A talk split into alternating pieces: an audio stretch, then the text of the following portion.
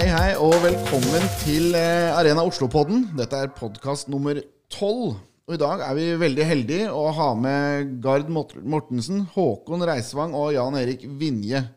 Eh, Gard Mortensen har en lang fartstid fra kultur, filmproduksjon, Stavernfestivalen, vært med og produsert Spellemann, Masterchef. Stort nettverk innenfor kultur- og Artist-Norge. Masse kule tanker. Nå bruker han kompetansen sin fra TV, festivaler og, og kulturopplevelser for å, å skape fremtidens eh, liveopplevelse. Eh, Håkon Reisvang, supernerd i verdens mest positive forstand eh, innenfor Proptech. Eh, han tar han har ikke, så Verden er hans arbeidssted. Nå er hjemmet hans fullt av smarttech og green screen og alt mulig, så han lever og ånder for eh, fremtidens teknologi innenfor alle de tingene som jeg må google. Jan Erik Vinje er i samme gate som Håkon. De har vært med og starta flere selskaper, både sammen og hver for seg. Um, Onsite Viewer, Open AR Cloud, eh, Nordic Building Room, eh, I4 Technology Det er sikkert mye jeg sier feil her òg. så for de av dere som ikke er supernerd, så kan det være lurt å ha Google i bakhånd når vi skal høre denne samtalen. Eh, jeg var heller ikke Før for en uke siden så visste jeg ikke at det var noe som het Spatial Web, men det kan vi kanskje snakke mer om eh, etterpå, blant annet. Eh, så velkommen til Ja, dere alle tre. Tusen takk. Tusen takk. Tusen hjertelig. Kanskje Gard.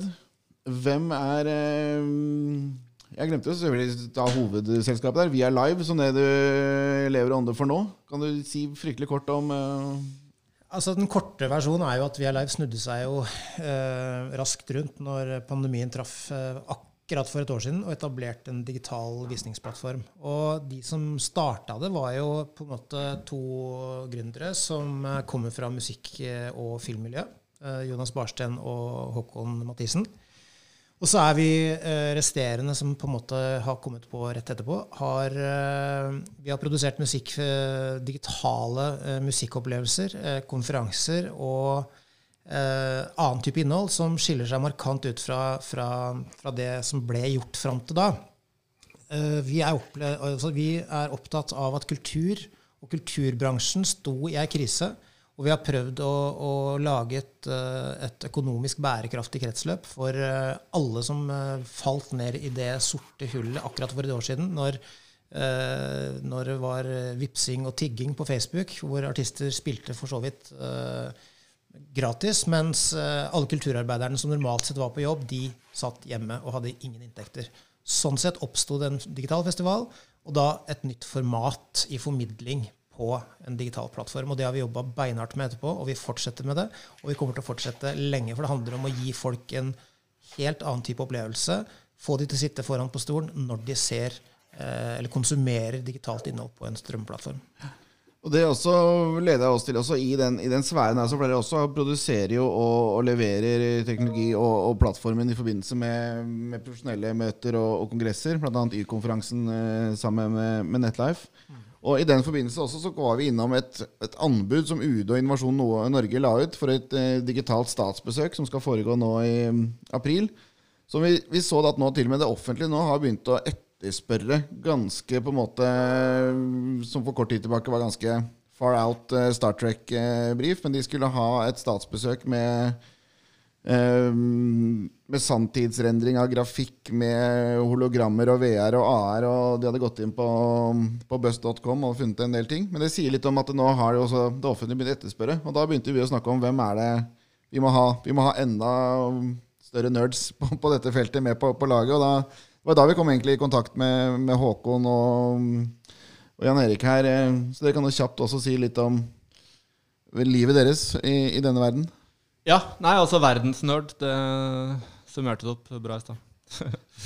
Jeg er jo eh, fryktelig interessert i både evolusjon og biologi og psykologi og teknologi og egentlig altfor interessert i altfor uh, for mange ting. Eh, men jeg har et firma, da, I4 Technologies, som driver med ganske avansert kunstig intelligens og eh, augmented reality sammen med Jan Erik. og vi skal bygge et ganske kult eh, VR-rom eh, nede her i Oslo, på Startup Campus. Så, og så prøver vi å bruke alle disse teknologiene til å forbedre bygg- og eiendomsbransjen. da, til å begynne med. Men det er jo veldig spennende å touche litt på underholdningsbransjen også. Jeg har jo hatt en uh, liten tåtur uh, der. Jeg var, prøvde meg som, uh, som standup-komiker et par år før jeg begynte. før jeg begynte. Så, så, jeg er veldig glad i underholdningsbransjen. Så jeg liker liksom at de to tingene kommer sammen. Ja, for det er også spennende. Der også hadde du også noen tanker Jan Erik, som gjorde at vi, vi syns det er gøy å leke sammen videre. Ja, jeg bare sånn, plukke opp tråden litt, for det, du nevnte Spatial Web i stad. Eh, og det, det, er det som eh, du også nevnte OpenAir Cloud. OpenAir Cloud har holdt på siden 2018 med å prøve, inspirert egentlig av den åpne webplattformen, som består av åpne standarder og protokoller, så ønsker vi en måte, den neste æraen av, eh, av evolusjon for hvordan vi bruker datamaskiner, hvordan vi lever digitalt. Det handler om at du går ut av disse flate skjermene som vi sitter låst bak nå i pandemien, over i, over i at hele, hele, omgivelsene dine blir smarte og digitale og oppgraderte med, med egentlig hva som helst av innhold og, og tjenester.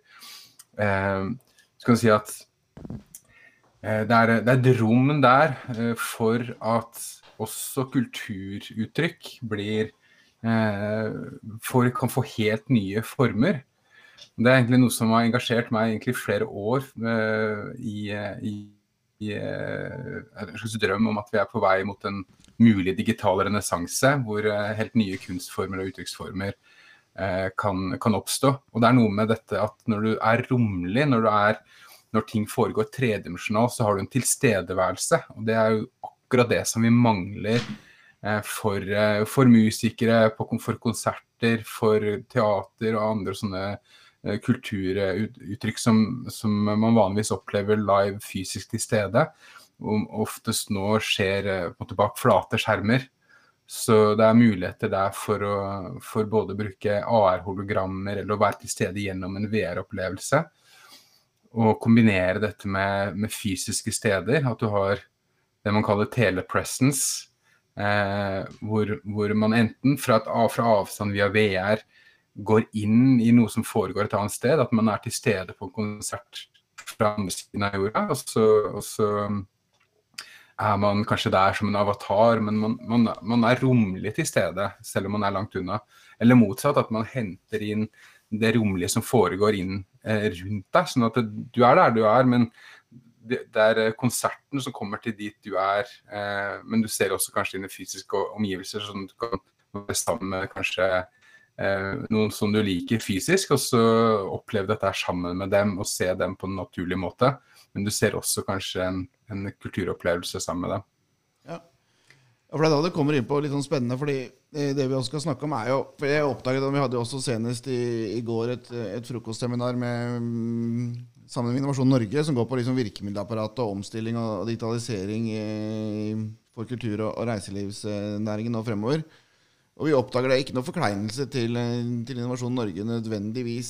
Men det er kanskje litt allerede blitt sånn. Det ble en bonanza av strømming nå i forbindelse med, med, covid, når man ikke kunne møte fysisk, og veldig mange prøver å ta plass i, den, i det spacet der nå. Og så har det blitt litt sånn Ja, men strømming, det er gammelt. Så det, er jo ikke noe, det har jo ikke noe med innovasjon å gjøre lenger.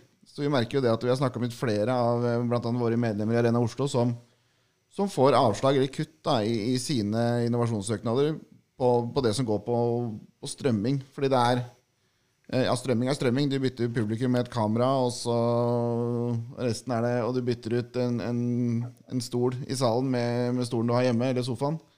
Men vi ser jo ikke helt sånn på det. Det her er jo et hav av muligheter, som du også nevner. Det kan tilføre nye dimensjoner, og der er jo dere også noen tanker, Gard, på som lever i på en måte den i det mottaket da, av måte, oppfattelsen av hva dere driver med. Dere, vi snakker ikke om et alternativ til live nødvendigvis, men det også. Ja, altså, akkurat nå så er det jo øh, kanskje det eneste alternativet. Men, men det går, kommer til å, forhåpentligvis til å gå over. Øh, og at vi er tilbake i en frisk verden igjen, hvor, øh, hvor, man skal tilbake på konsertscener eller festivaler og stå ved siden av hverandre og drikke øl. Og det er jo det alle vil. Men vi tror jo på et format som og det handler om format, og det handler om, ikke nødvendigvis om teknisk innovasjon. at det er liksom en, altså Strømmeplattformen har vært i mange år. altså Musikkstrømming er jo gammelt nytt.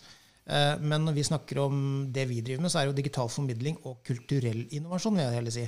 At, hvordan kan du ta formatet, bruke den, eh, den, det digitale mediet og komme enda tettere publikum med en helt annen type opplevelse enn den tradisjonelle konsertopplevelsen som du på en måte har sett Elton John gjøre på Wembley i en superproduksjon uh, med 30 000 kameraer og 30 000 mennesker som var der, men som du ikke fikk sett, men som du kan kjøpe på DVD. Det er, liksom, det er den påkosta versjonen.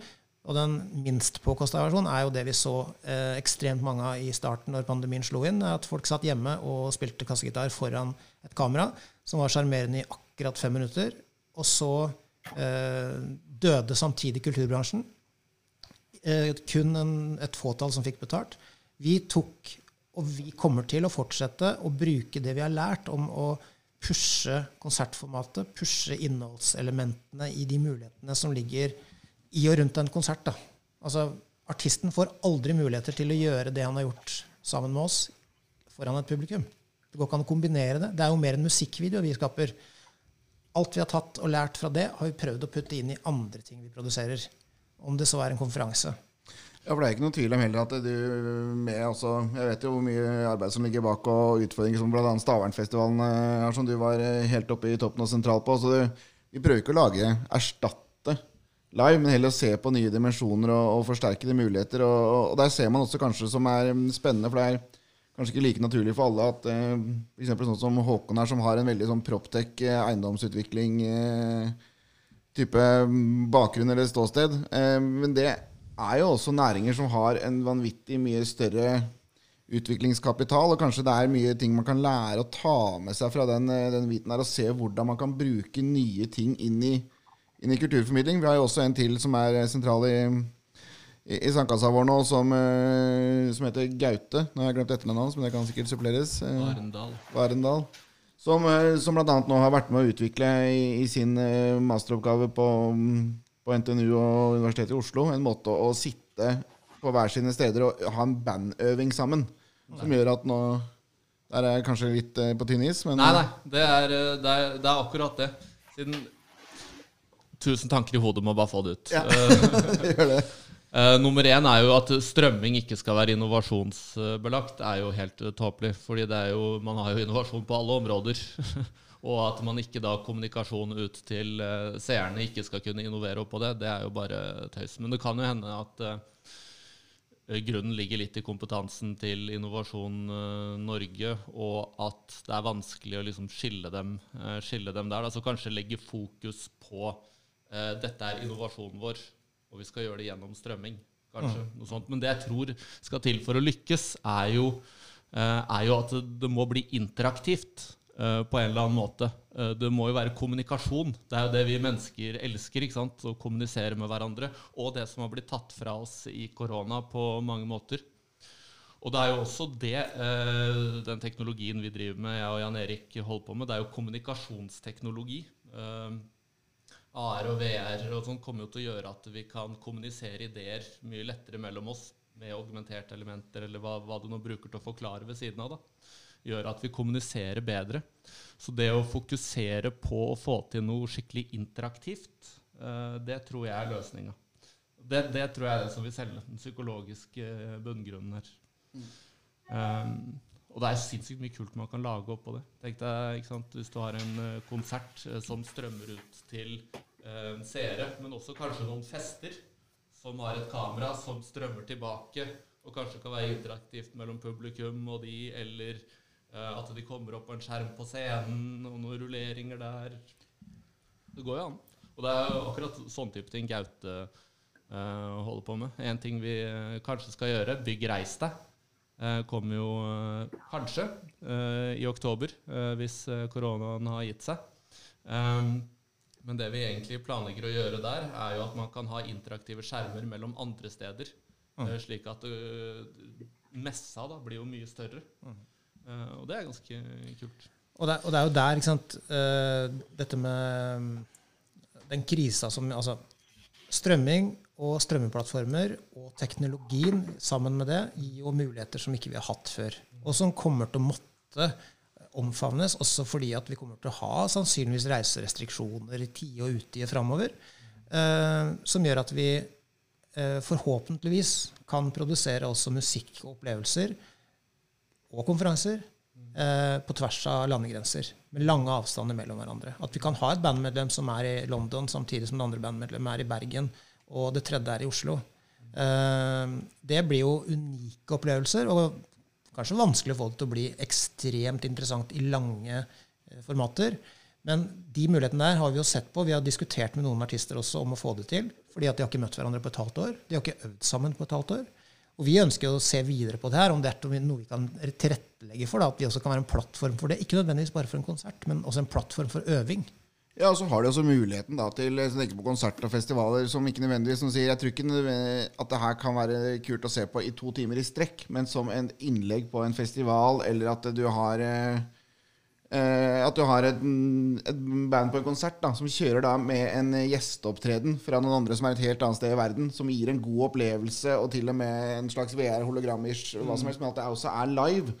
Hologram er heller ikke nytt. Det er vel, var jo snakk om at eh, Michael Jackson skulle kjøre hologramkonsert etter at han var død, på en måte, men det er jo det å få den der live opplevelsen, at det her er ekte og real time, og at man da kan tilføre noe nytt.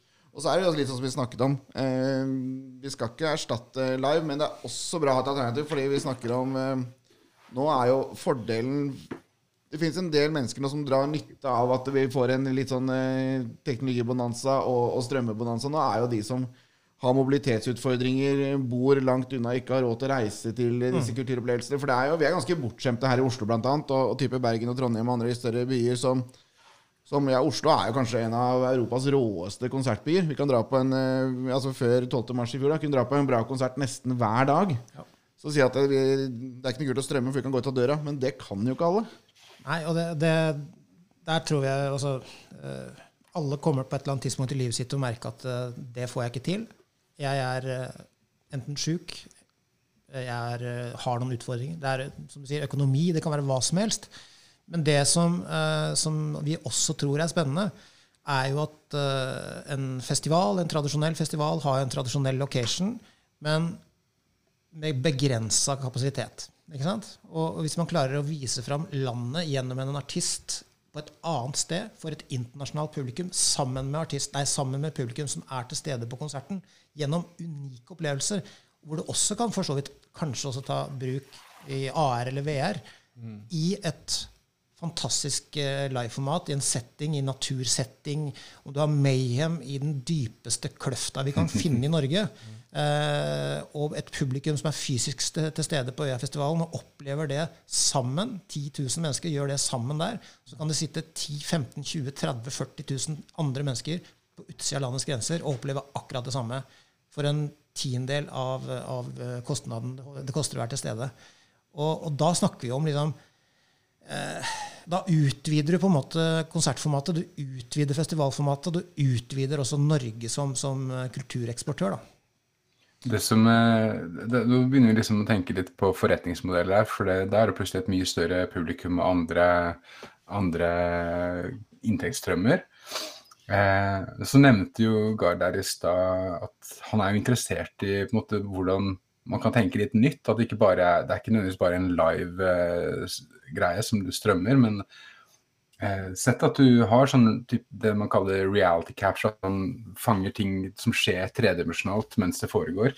Da er det noe annet enn et vanlig videoopptak som, eh, som du kan bare se på en flat skjerm. Da er det plutselig noe du kan være til stede i i etterkant. At du kan hente opp igjen eh, til bandet tredimensjonalt og stå på scenen sammen med det, eller gjøre helt andre ting med det, eh, det liveopptaket. Mm. Sett, sett, at du gjør det på et sted av spesiell, en spesiell lokalitet. Du nevnte en eller annen sånn dyp kløft. ok, kanskje, kanskje, kan det bli en turistattraksjon for det stedet hvor den uh, kløfta er. Fordi du kan dra dit og oppleve det med, med AR lenge etterpå. Betale litt for å få se Mayhem mm. i den kløfta, uh, som om de var der. Ja. Uh, lenge etterpå. Så det, det finnes liksom en uendelighet. Og jeg tenker at det som er virkelig morsomt, det er du så eh, da filmen kom eh, egentlig som en fortsettelse av operaen til Wagner, som var, skulle kombinere masse forskjellige eh, kunstneriske uttrykksformer i en, en, et stort eh, kunstverk. Så skjedde dette med filmen, så skjedde det senere med, med dataspill. Eh, med Spatial Web så, så, blir det liksom en ny runde med dette her, hvor man kan finne helt nye uttrykksformer som verden aldri har sett. Og det har vært kult liksom, om Norge kunne vært litt i, i tet. For det er, det er, en del selskaper her, en del miljøer i Norge som, som er ganske cutting edge på, på mye, av, mye, av, de tingene som kan trenges for å lage disse nye uttrykksformene. Det, det, er liksom noe vi brenner litt for, å se om vi kan klare å få til et miljø rundt det. Og da er det jo også spennende, for da kommer vi toucher inn på det som ligger litt i DNA-et og, og, på en måte kongstanken bak Arena Oslo, så er det når du kobler da ulike, ulike næringer og ulike former, f.eks. noe som nå vi snakker om, kobler koble reiseliv og kultur. Det har jo vært en, en, kombinasjon som ikke alltid har eh, fungert i praksis. Fordi, men det er jo ofte de kulturbegivenhetene er jo en magnet på, på oppmerksomheten. De er Coop Obs på kjøpesenteret, men så er det veldig mye rundt som kan være med på å, å tjene på at de kommer til type Oslo, eller om det er um, Jeg vet ikke på å si Stavern, men det er jo ikke Stavernfestivalen. Er vel nesten nærmere Larvik de siste åra. Men det handler litt om det å bygge destinasjonen rundt da, for, å få, for å få, bruke det også som et verktøy. Og da, da snakker vi også et språk som som gjør at flere er med og tjener på å bidra på det, og, og bruker tilfellet nye dimensjoner. Jeg vil også bare trekke inn på som er, går også litt kanskje enda råere å hente teknologi også fra den type proptech-tankegangen. For det jo Det handler jo om å, å koble ting. For jeg, det med å formidle og se på en skjerm er ikke nødvendigvis det som gjør at jeg er en strømmer ganske lite live. For jeg syns ikke det gir meg den opplevelsen. Men det er mest tror jeg, fordi jeg sitter da eventuelt aleine i, i, sofaen og ser på. Så det er den der at jeg sitter aleine som gjør at opplevelsen blir dårlig. Ikke nødvendigvis lyd og, og bilde. Eh, og da blir det for, den, for meg er det å dra på festival og konsert og, og, stå skulder til skulder, nikke på en måte lukta av luften, og så helt sikkert det at jeg sjelden er helt edru på en god rockekonsert eller en festival, på en måte. Men det er litt den derre som heller ingen har knekt koden på, som mange driver og, og, og, jobber med nå, det er hvordan du kan ha et event på flere lokasjoner. Og så tenke litt sånn motsatt òg, at du samler mennesker. La oss si du har en Istedenfor å samle 1000 mennesker i parken, så kan du samle 100 mennesker 200 steder. Eh, for allikevel da også opprettholde det mer den eh, forretningsmodellen vi kan ta innenfor restriksjoner, men også få det mer ut i, i distriktene andre steder. Jeg tenker også det kan være en bra sponsorgreie òg. At f.eks. Ja, for eksempel, jeg har en kone som jobber i skobransjen, og de har jo skjermer i fjernstyrte i alle sine 300 butikker, eller hva det er for noe. Man kunne hatt, Hvis de er sponsor av en festival, da, så kunne de jo egentlig lagd en, en VR, eh, AR, augmented eh, strømmegreie som hadde gått inn i alle de butikkene hvor de kunne hatt en happening, som gjør at de kan få noe mer ut av å være en del av det. Fordi de kan samle mennesker og, og, og kjøre opplevelsen til dem. For det også blir jo muligheter ja, som vi mm. ikke mm. nødvendigvis har hatt eh, for, for 20 år siden altså jeg tenker jo på sånn som VR-biten, da. Ikke sant? Men det her med å være samla. Altså der kan det jo være Du kan være samla på kontoret gjennom VR. Ikke sant? Hvis du har på deg briller. Ja, de brillene. De brillene. Men jeg, og man skal ikke undervurdere det heller. Det er ikke det at vi på en måte går den veien. Men jeg tenker at eh, hvis man tenker at man eh, i dette rommet, i dette VR-rommet som er kontorfellesskapet i, på kontoret, da kan du for lage et mye kulere kontor òg, tror jeg. Du kan designe akkurat det kontor du ønsker deg, med plass til alle ansatte. Og så kan du gå inn der, og så kan du se på en konsert som er på storskjermen inne på kontoret, og så kan du drikke øl sammen. Da har du en, øh, og så har du selvfølgelig fått deg en øl hjemme. Da. Uh, men da kan du jo se Da kan du oppleve det sammen. Eller uh, at du for så vidt også lager et rom på en festival som ikke du har muligheten til å være på, men, men at du har noen bilder som er faktiske bilder fra en konsert. Som du opplever i Så det sosiale oppstår, da. Ja. Og det, det, tror jeg jo kan være liksom noen løsninger i framtida også. At uh, man går inn, smaker og lukter og snakker. Ja, opplever seg andre, andre veien også. Det er jo ja. Eh, smaker og lukter, det er jo litt vanskeligere å få til. Men uh, tilbake til kommunikasjonsbiten av det. Vi har jo Teams og Zoom-møter hele tiden, og det er jo sosialt. Men det tilfredsstiller jo oss ikke. Og det jeg har, tror jeg har veldig mye med at det at menneskelig kommunikasjon er jo egentlig Jeg tror det er 20% som er verbalt, og vi snakker jo med kroppen.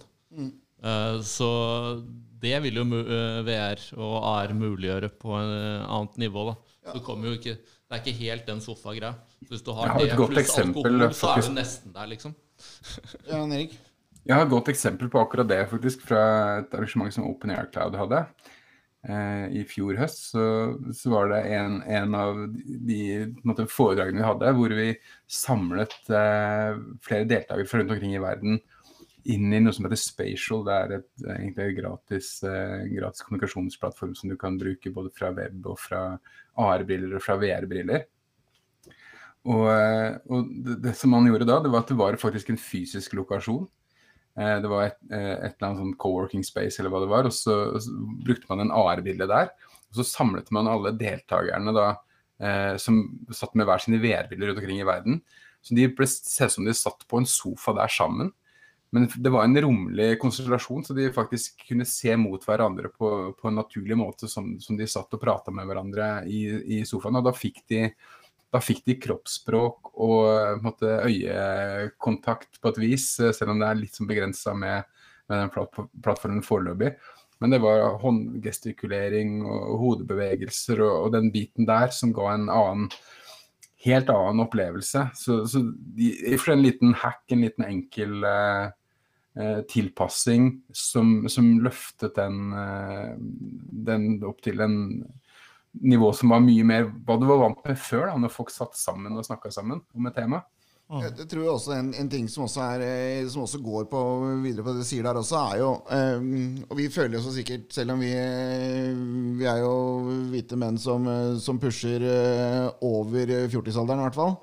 Uh, som liksom litt oppimot Men føler oss litt sånn frampå fordi vi er interessert i å jobbe med dette her og, og, og tenk, prøver å tenke, tenke, nytt og nye sammenhenger. Men det kommer jo en gjeng bak oss, en, en generasjon bak oss, eh, som ikke nødvendigvis har heller den derre eh, drikke tam øl fra plastglass eh, og, og, ha den deilige opplevelsen en sommerkveld i, i regnet og syns at det er noe de savner en gang. Altså, de vet jo ikke nesten så kanskje de også er mer tilbøyelige og har mye mer forankringen inn fra spillverden, hvor man har en helt annen tilstedeværelse sammen og er vant til på en måte litt der, mye av den teknologien vi snakker om, men på en enda psycho måte. da, når man, klarer vel ikke å, å stå sammen som publikum og ta fire ganger salto heller, fordi Og tillegge hverandre egenskaper på den måten. Nei, men det er litt sånn der, Når vi ser hva, hva live skal bli, og hvordan vi skal fange opp. og det, I den sammenheng så tror jeg kanskje at det fysiske, oppmøtebaserte live-biten har dårligere tid enn det vi kanskje skjønner, i forhold til at når den generasjonen kommer bak oss, så forventer de mer også av en fysisk eh, opplevelse. Nå er det vel allerede tre-fire år siden det var eh, 100 000 på konsert i, i, Minecraft, på en måte. Mm. Eh, som Alan Walker jeg husker, var, eh, også har gjort eh, Travis Scott hadde vel noe sånn ti millioner, eller hva det var. Så det er klart det er, de er jo vant til noen andre type opplevelser enn det vår eller tidligere generasjoner har fått med seg. Så de er jo, jeg tror de er tilbøyelige til å lytte mer. Men på den annen side så er de ikke vant til å betale for uh, så veldig mye. Så, og det er jo et ekstremt viktig del av det vi jobber med, er jo at kultur koster penger. og og at uh, per dags dato så er ikke musikkbransjen står jo ikke og jubler over inntektene som kommer fra, fra strømplattformer heller. Så, så, altså fra, fra tradisjonelle strømplattformer. Da. Så, så, vi må jo tenke hvordan skal kulturbransjen uh, kapitalisere på de, disse typer nye opplevelsene. For det er det, koster, det er dyre produksjoner vi kjører. Og investeringshøyden for, for, for artistene det, det, føles ganske, det er mye penger da, som står i spill her også. Ja, for Det er jo en viktig dimensjon inn her også, som, eh, som toucher inn på mye av det vi snakker om. er jo at vi, vi, må passe oss nå på at vi ikke dreper forretningsmodellen før, eh, før den eh, kommer så langt. Jeg har også snakket mye med Anne-Britt Gran, som er professor og leder for Creative Industries på, på BI, som har vært med sammen med henne og skrevet en, en rekke rapporter. Eh, Eh, om eh, kulturbransjen under, under covid. Og, og, der også er jo mye av hennes hovedbudskap er at nå må vi slutte å, å gi bort kunsten. Den er like mye verdt, eller mer i noen sammenhenger, når man formidler det gjennom, digitale, gjennom digitalisering og digitale måter. Så vi må passe på at vi, vi har den. For det er en forretning med bærekraft. Det handler ikke nødvendigvis om at du skal eh, kunne spise genseren når den har blitt slitt. på en måte. Det handler jo også om at du skal eh, tjene penger på dette her sånn, og, leve av det. For det er jo tøffere og tøffere å leve inn i den greia sånn. og eh, det er ikke, noe mening, for det veldig mye her skal stamme fra gode intensjoner. Eh, og store merkevarer som, som bruker muligheten til å nå ut eh, til et publikum som er hungrig på det. Uh, og et eksempel som er helt ferskt fra, fra, fra kvinnedagen også, hvor Ikea kjørte gratis strømmekonsert med Sara Larsson. Uh, intensjonen er kjempegod, og det er en gave fra Ikea til, uh, til, kvinner som har lyst til å oppleve Sara Larsson, som ikke får gjort det nå pga. korona. Men det er også da selv om ikke intensjonen er der, jeg prøver ikke å disse IKEA, men det blir på en måte for næringen så blir det en sånn Til alle dere kvinner som sliter med å, å nå ut i det hele tatt fordi dere ikke er store nok til å ha en strømmestemme, eller noen som er villig til å betale for produksjonen og, og for at dere skal nå ut, og dere får ikke muligheten til å ha en livekonsert.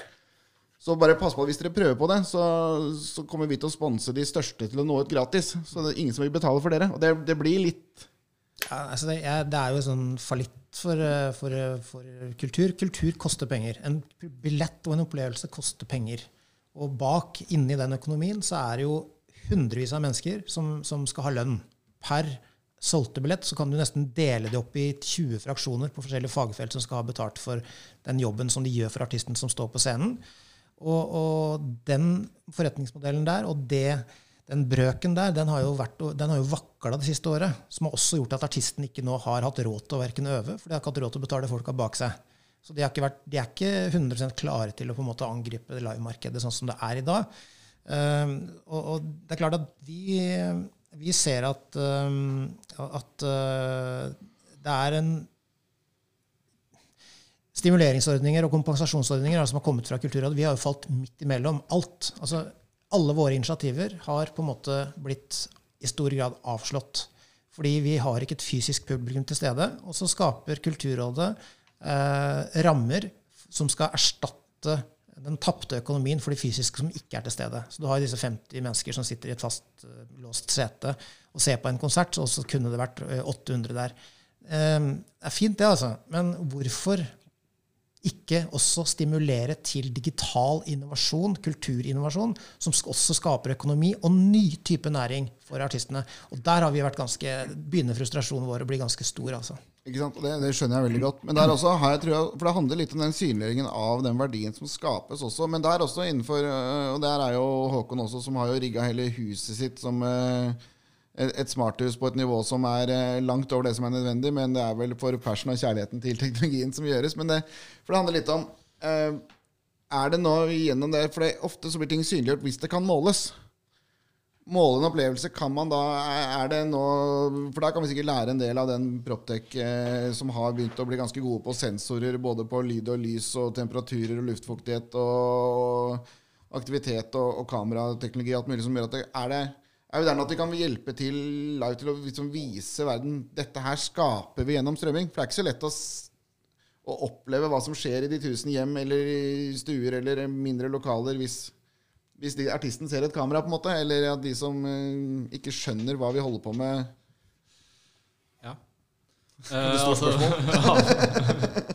ja, apropos smarthuset. Det er litt for å øve på hvordan vi skal gjøre det mot industrien også. Men det er absurd mange funksjoner. Um, jo, um, apropos businessmodeller inn mot det. Jeg har et uh, artig eksempel fra standup-bransjen. Uh, hvor du betaler for verdien du får. Så du har en sensor som måler om du ler eller ikke i, i, i salen. Så uh, du betaler for latterne dine, da. Slik at du betaler bare for resultatet. Og det er jo det som virkelig muliggjør uh, nye businessmodeller nå, er jo det at alt blir målbart pga. sensorer er så billig. Mm. Uh, altså det, det, ultimate spørsmålet uh, for hvordan man skal styre et samfunn videre, er jo egentlig hvordan kapitalisere på kreativt eh, arbeid. Siden halvparten av oss er jo veldig conscientious og pliktoppfyllende, mens halvparten av oss er kreative. Men kreativitet er jo en risiko. ikke sant? Det kan jo føre til at samfunnet går feil vei, men det kan også føre til at samfunnet går riktig vei. da. Så dette er jo en eldgammel problemstilling. Men nå som vi har sensorer overalt, så kan vi muliggjøre um, å rett og slett bare betale for resultatet vi får. Uh, og det, ikke sant, sånn som. For, for bygninger så har vi jo masse problemer i dag pga. at vi har for gamle kontraktsstandarder uh, som gjør at vi ikke klarer å komme oss uh, riktig vei businessmodellmessig. Vi prøver å finne ut av hvordan businessmodeller vi skal ha, og resten av industrien beveger seg mot as a service, så det er jo no-brainer. Men eh, det at vi nå kan ha sensorer i et bygg, og så kanskje basere kontrakter på funksjoner. Du skal levere inneklima as a service, f.eks. Uh, så betaler du bare for resultatet, og da muliggjør du disse, business, uh, disse nye businessmodellene. Men jeg tror det absolutt har med å ja, måle responsen på produktet. Mm. Det er utrolig spennende akkurat det med standup, for det har jeg tygd mye på. Hvordan skal du for det første er det ganske trist å være standuper digitalt da, uten et publikum. ja, du vet jo sånn som det er når du sitter hjemme i sofaen og ser Netflix, uh, Netflix-standupen. Du ler jo kanskje én gang, ikke sant? fordi det er det fysiske som har noe å si. Så, men uh, det, hvis man klarer å lage Jeg tenker jo uh, Her må jo også bransjen, da, altså standuperne, uh, må jo være med å kjøre noen tester. Du må jo teste, være med å prøve å teste ut. Hvis det kan på en måte være noe som kan kan gi en kapital, da, som kan ja. gi, økt, uh, gi en inntekt. Mm. Og det er klart, uh, de jeg kjenner i, i, i humormiljøet i Norge, uh, ville nok vært ganske skeptiske. Men for guds skyld, la oss prøve det, tenker jeg. Tror du ikke Jonny Kristiansen har tatt på seg VR-briller og gått på? Jeg vet ikke om det den, den generasjonen, men jeg, jeg tenker liksom sånn, det, er, er, mange der ute som, som, det hadde vært gøy å teste det. For jeg har jo, har jo liksom testa det på de jeg kjenner som driver med standup. Og det er jo sånn, ja, det er tungt, og de vet at det er tungt. Men det er klart, har du responsive sensorer som ja. faktisk gir, gir, noe tilbake, også i form av at eh, det koster eh, penger, eller du betaler for det du ler for, det er vel ja. det du mener, ikke sant? Nettopp, siden jeg, jeg presenterte en businessmodell her hvor folk er i salen. ikke sant? Men det er jo overførbart gjennom VR. Så ja. hvis du vil oppleve VR hjemme, så har du å slenge på VR-brillene, og så har du en sensor på når du ler, og så finner du ut av hvor dyrt det ble til slutt. Ja, eller at du bare har mikrofonen på på PC når du ser på eller strømmer filmer, ja, så kan du jo fange opp eh, Eller mobilen, for den saks skyld, da, som er kanskje enda flere som Er det, er det lov? Uh, GDPR på latter? Jeg Nei, jeg vet ikke om det er noe lovgivning som stopper det. Uh, kan jo hende. Vet ikke. Nei, Det er jo i hvert fall interessant. og det er, uh, Jeg tenker at akkurat humor- og standup-bransjen trenger jo en sånn type løsning, tror jeg. Uh, ja. En, vi hadde jo en eh, podkast tidligere også med, med Simen Eidsvåg, som, eh, som, jobber med å utvikle um, FMM, Fantasy Music Manager, som egentlig baserer seg på å, at man skal få en kvalitetsmåling på en, på en live performance, og, og kjøre da den overførbar til, til fantasy sport. Den derre at man kan vedde på ting, og at du er en virtuell manager som, som lager, setter opp din din stall med, med, artister eh, og lignende, og så får man da en score ut ifra hva de leverer på en eller annen performance. Eh, og Der også er jo hemskoen nå er jo at det er for få nøytrale, målbare eh, enheter. Altså, vi har sett mye, mye på dette. og jeg vet jo også Det er bl.a. et, et um, universitetsmiljø også som driver og har rigga opp en sånn sal hvor man ser på Um, hvordan kroppsspråket er hvis du er sammen med noen eller er alene. Sånn altså det er uh, hvordan opplevelsen, hva som skjer inni hodet når du er live kontra lytting. Altså det, er, det, er, det, er, en del som det handler om å, å sette seg litt sammen. Og, og vi, jeg ser også vi nærmer oss slutten her. Men uh, jeg vil også få fram at nå har vi begynt å, å synes det er gøy å snakke om å leke sånn. Vi ser muligheter at uh, er, I Norge er jo et lite land, og aktørene hver for seg også er ganske små, men det er ganske mye smarte folk. Så det vi, vi holder på nå, er å prøve å strukturere opp den energien her, og, og se om vi kan danne et, eh, et bedriftsnettverk på det.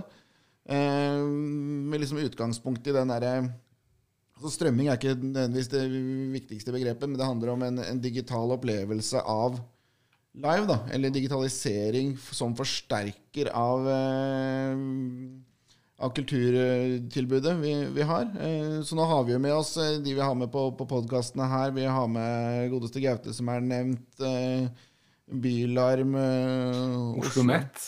Ja, Oslo Met er med. Og etter en frokostseminar vi har nå, så vil også hun Anne-Britt Gran, professor fra Institutt på BI, som er veldig opptatt av digitalisering, også vil være med. Så vi har ganske sterk nå med, med akademia. Vi har jo også det vi holder på med gjennom FMM og Simen Eidsvåg der og Høgskolen Kristiania med, med, teknologi og, og KID der også. Så det begynner å bli ganske sterkt nettverk. Proptech-viten, den tror jeg er litt kult. Også. Det, det som, noe som jeg kaller digital områdeberikelse. Mm. Jeg snakket om faktisk i flere år. Jeg snakket om dette første gang for, eh, for en gjeng med folk i eiendomsbransjen på Oslo Plaza tidlig i 2018. Eh, det at eh, en eiendom ikke bare er det fysiske greiene, men det er faktisk f.eks. kulturopplevelser som du har knyttet til det stedet. og Det gir Spatial Web eh, masse muligheter til. Altså, de tenker digital tvilling i den bransjen. Nå får du plutselig en kulturell digital tvilling av alt som har skjedd av kulturopplevelser knytta til det stedet, til den eiendommen. Det tror jeg kan være en, en, fin, en fin, tilskudd i nettverket. Ikke sant? Det skal vi strukturere opp en kjerne på, så vi, vi kommer i gang. Og så er det jo åpen for å invitere seg sjøl inn og, og, bli med. Vi skal også uh, ta kontakt med, med, flere, for det handler jo om å, å danne det økosystemet samarbeid for de som uh, liker å samarbeide. Og, og det er jo også grunnen til at vi, vi leker godt med, med Via Live også, som har en sånn transparent holdning til, uh, til, utvikling. At man skal ikke nødvendigvis eh, omfavne alt selv, men også ser verdien av, av samarbeid og, og, felles utvikling. Og nå er det jo flere grener og næringer som går sammen. Jeg tror det er litt nøkkelen, så jeg er dritspent på hva vi kan få til. Absolutt. Og vet du hva, jeg må bare si det. På ett år så har vi solgt uh, 60 000 tilganger i 100 land med norske artister. Så det, de har et, vi har vært et helt viktig alternativ, reelt alternativ for veldig mange artister. Og vi har klart å skape økonomi, men vi er langt ifra i mål. Og vi har lyst til å skape enda bedre vilkår for artist, innhold og publikum. Det er jo egentlig en helt rå avslutning. Så ja. Tusen takk for at dere kom. Eller har Håkon Jeg ser det klør. Nei, jeg, jeg, hadde en rå avslutning Jeg hadde en rå avslutning om hvordan dette kan bli med semantisk og områdeberikelse, men det var en for god avslutning, det. Så jeg, så, så jeg skal gi det til deg. Den var bra. Tusen takk for at dere hørte på. Takk. Ha det bra. Jeg må bare løpe ut i